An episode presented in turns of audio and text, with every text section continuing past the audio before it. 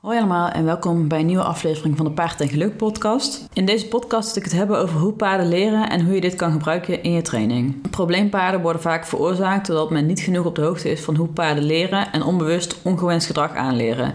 Er wordt dan vaak gezegd dat het paard gewoon heel moeilijk is, maar ja, vaak spelen wij daar als mensen ook wel een belangrijke rol in om dergelijk moeilijk gedrag te uh, veroorzaken. Dit aangeleerde ongewenste gedrag kan er in het ergste geval toe leiden dat de paarden als gevaarlijk bestempeld worden, of in een minder extreem geval dat je bijvoorbeeld met rijden een hulp kan geven dat je een ons weegt, maar je paard simpelweg niet snapt wat je van hem vraagt en dus ook niet doet wat je vraagt. Dus in het ene geval uh, kan echt slecht gedrag aangeleerd worden, in het andere geval wordt vooral het gewenste gedrag wordt niet goed aangeleerd. Het kan voor best wel wat miscommunicatie in de training en in de omgang met je paard zorgen.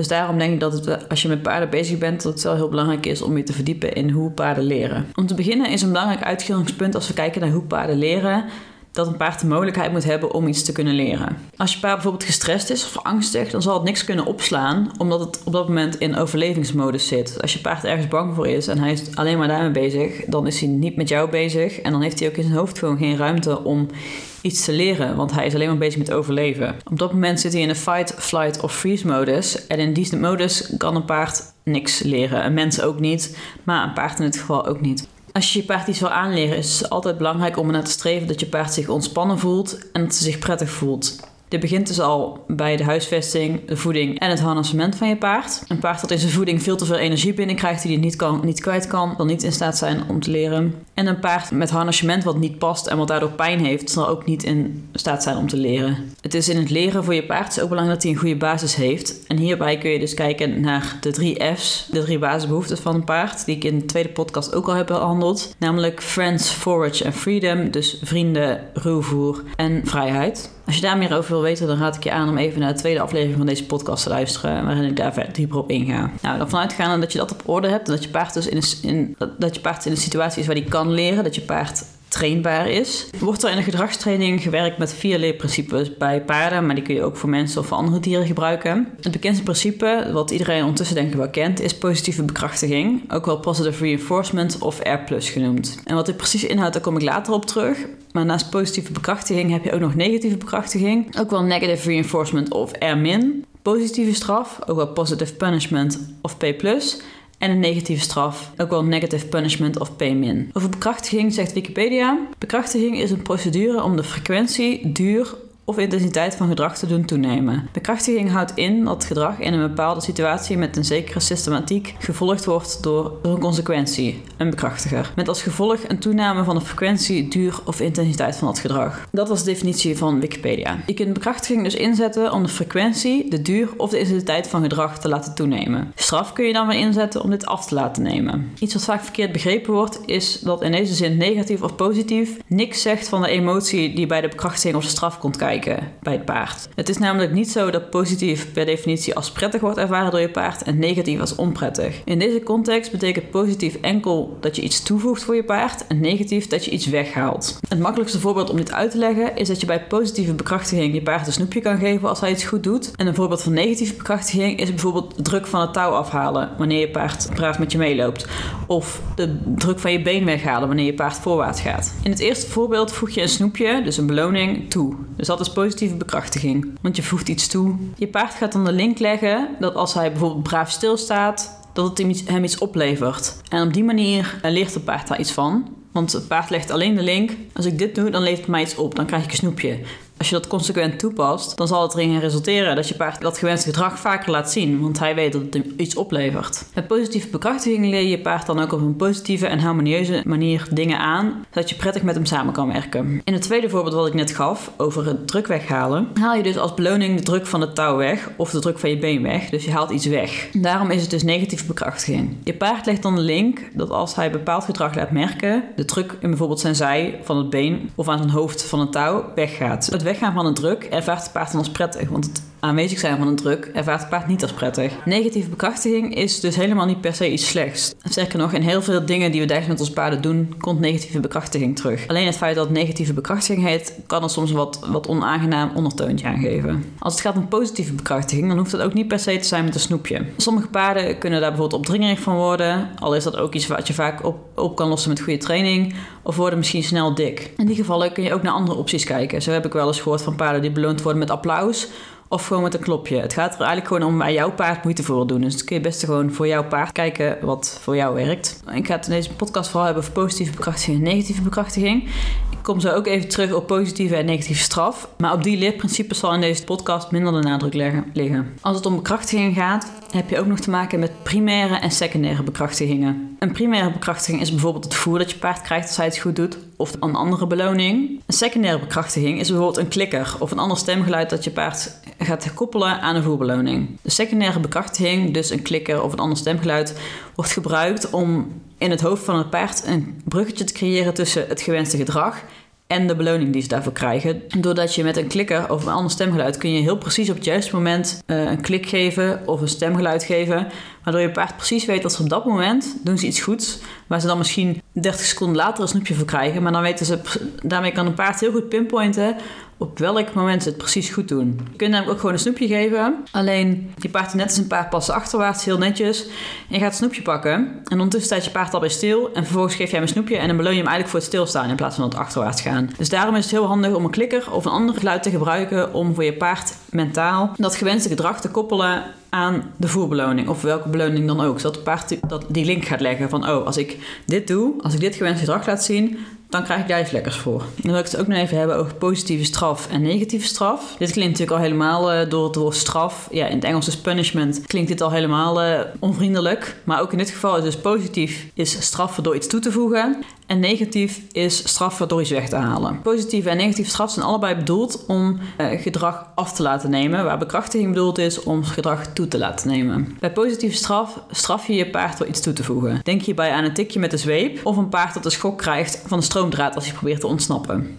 Er wordt dan iets toegevoegd wat het paard onprettig ervaart. Bij negatieve straf straf je je paard door een beloning weg te halen. Een voorbeeld is hiervan als je met, met je voer aan kan lopen en hij staat tegen de stal te schoppen of hij legt zijn oor in zijn nek dat je wegloopt met het voer. Om op die manier je paard te leren dat als hij dat gedrag vertoont, dat hij alleen maar langer op zijn eten moet wachten. Een straf lijkt misschien niet een hele fijne manier om met je paard samen te werken, maar als je het op het juiste moment doet, kan het wel een duidelijke hulp zijn naar je paard. En in sommige gevallen is het ook gewoon nodig, want veiligheid moet natuurlijk altijd voorgaan. Ook goed om te weten is dat eigenlijk alle vormen, dus R+, R-, P+, en P-, ook gebruikt worden in de communicatie door paarden onderling. En doordat zij het zelf ook gebruiken, gebruiken snappen ze het ook als wij het doen. Paarden zijn zelf natuurlijk heel subtiel in hun communicatie, maar zij maken zelfs ook gebruik van deze leerprincipes. Ik heb het net al even genoemd, maar zelf vind ik het dus ook heel fijn om te trainen met klikkertraining met mijn pony. Ik werk daarin wel met een tongklak en dus niet met een uh, echte klikker. Maar doordat ik met die klikker werk, kan ik hem precies laten zien wat het gewenste gedrag is.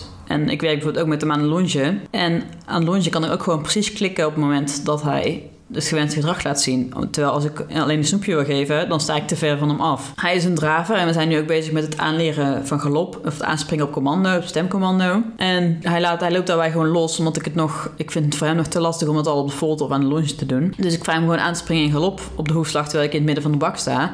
En als hij aanspringt, dan krijgt hij een klik. Maar op dat moment rent hij naar de andere kant van de bak. Maar doordat ik dan toch die klik maak, kan hij toch wel de link leggen dat het gewenst gedrag is. Want hij kent dat. Hij weet dat als hij die klik krijgt, dat er een, snoepje achteraan komt. Dus ook op die manier vind ik het fijn om een klikker als bruggetje te gebruiken. Het is dan ook wel belangrijk dat er op die klik wel altijd een snoepje volgt. Want als je steeds klikt en je, paard krijgt geen snoepje, dan denkt je paard op een gegeven moment ook van ja, uh, betekent helemaal niks meer. En het is ook belangrijk te onthouden dat de klik zelf geen beloning is, want het paard heeft niks aan het geluid van een klikker. De klik is echt alleen maar om aan te kondigen dat er een beloning aankomt en om het juiste moment vast te kunnen leggen dat je paard het goede gewenste gedrag laat zien. En hierin gebruik ik dus ook secundaire bekrachtiging. Ik kies er zelf dus voor met de klikker te werken, maar er zijn ook heel veel mensen die positieve bekrachtiging toepassen zonder klikkertraining, dus dat kan ook gewoon prima. Maar het kan gewoon voor je wel wat duidelijker zijn om het wel te gebruiken. Bij iedere vorm van gedragstraining met je paard is timing cruciaal. Als jij de druk net te laat weghaalt als je paard doet wat je vraagt, kan hij de verkeerde connectie leggen en kun je onbewust verkeerde gedrag aanleren. Als je bijvoorbeeld met je paard aan het lopen bent en je geeft een korte ophouding om je paard stil te laten staan en jij bent net iets te laat en je paard zet bijvoorbeeld de pas achteruit en jij bent, het was de bedoeling dat hij stil stond, maar hij zet net die pas achteruit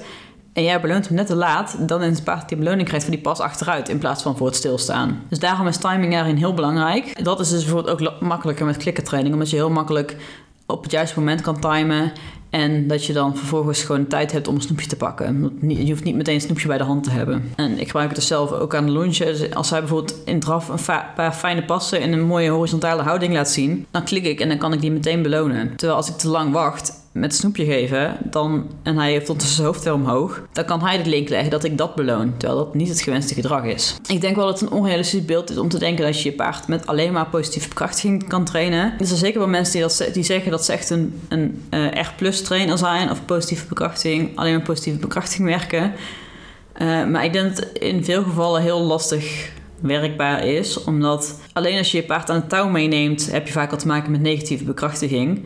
Want je vraagt je paard om met je mee te lopen. Dus je geeft druk op het touw, zodat hij met je meeloopt. Net als wanneer je je been aanlegt om je paard te vragen om de overgang naar draf te maken. Dus negatieve bekrachtiging gebruik je, dus negatieve bekrachtiging gebruik je eigenlijk gewoon al best wel veel in een, de dagelijkse dingen met je paard. En dan heb ik het over negatieve bekrachtiging, maar zoals ik net al zei, als je paard in een drukke bui door je heen wil lopen of uh, langs een drukke weg iets gevaarlijks doet, dan is positieve bekrachtiging vaak niet genoeg om jullie veiligheid te waarborgen. Dus op zo'n moment moet je soms ook gewoon even wat strenger zijn om je, je eigen veiligheid en die van je paard te garanderen. Ik ben van mening dat positieve bekrachtiging meenemen in de training van je paard jullie op veel manieren kan helpen. Het is een positieve manier van samenwerken met je paard die je paard kan motiveren om te willen doen wat je van ze vraagt en ook mee te denken met wat je van ze probeert te vragen. In tegenstelling tot een paard dat zich gedwongen voelt om met je mee te werken, ook al weet hij misschien wat je bedoelt, omdat hij bang is dat hij anders gestraft wordt. Je kunt positieve verkrachting natuurlijk heel goed op de grond inzetten, daar heb ik al een paar voorbeelden van genoemd, maar ook met vrijheidsdressuur kun je het heel goed gebruiken. Maar ook bijvoorbeeld in een dressuurmatige training kun je positieve verkrachting heel goed inzetten. Een goed voorbeeld hiervan is Grand Prix Jolanda Adelaar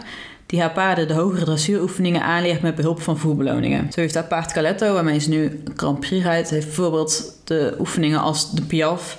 Die leert ze hem aan op de grond met voerbeloningen. Dit is zeker niet iets wat alleen maar door pennymeisjes ingezet wordt of door mensen die vrijheidsdressuur willen oefenen of wat dan ook. Focussen op positieve bekrachtiging kan iedere ruiter helpen. Het is niet dat je alleen maar met positieve bekrachtiging kan werken, je hebt de andere aspecten ook nodig. Maar zelf vind ik het wel erg fijn om vooral vanuit positieve te trainen mijn pony en dus vooral te belonen wat hij wel goed doet en slecht gedrag eerder te negeren. Ondanks dat je met positieve verkrachting eigenlijk heel veel kan bereiken, is deze trainingsmethode of überhaupt hoe paarden leren niet iets wat standaard wordt aangeleerd bij veel trainers tijdens hun opleiding. Voor zover ik weet bijvoorbeeld ook in de overrun wordt niet echt ja, positieve bekrachtiging of de manier van leren van paarden meegenomen. Misschien is het ondertussen wel, maar uh, dan is het in ieder geval niet altijd zo geweest. En er zijn natuurlijk best wel veel plekken waar je kan leren om les te geven. Dat lijkt mij heel mooi als uh, positieve bekrachtiging en gewoon überhaupt de, het leerproces van het paard daar een belangrijke rol in zou krijgen. Ik denk dat hier een hoop te behalen valt om in het algemeen in de paardenwereld op een harmonieuzere manier samen te kunnen werken met onze paarden. Dus het lijkt mij heel mooi als bekrachtiging over een paar jaar een vast onderdeel is van alle opleidingen rondom paardentraining, zodat het ook kan bijdragen aan het maken van happy athletes van onze paarden. Dan was dit mijn eh, podcast over hoe leren paarden slash uh, positieve bekrachtiging. Ik hoop dat jullie het een interessante podcast vonden. Ik heb mezelf ook aangemeld voor een cursus over voeding. Dus ja, jullie kunnen in de toekomst hopelijk ook meer podcasts over voeding verwachten. Ik heb natuurlijk al een podcast over ruwvoer gemaakt en over gras. Maar ik hoop ook nog dingen over krachtvoer, over specifiek eh, granen, melassen, suikers, zetmeel. Al die dingen hoop ik ook nog eh, meer podcasts over te kunnen maken. Omdat ik denk dat er op het gebied van voeding nog heel veel uh, onwetendheid is en heel veel onduidelijkheid is. Dus dat is ook nog eh, iets wat ik in de toekomst hoop te kunnen gaan doen. En dan hoop ik dat je deze podcast leuk vonden en hoop ik je de volgende keer weer luisteren. Dus tot de volgende keer.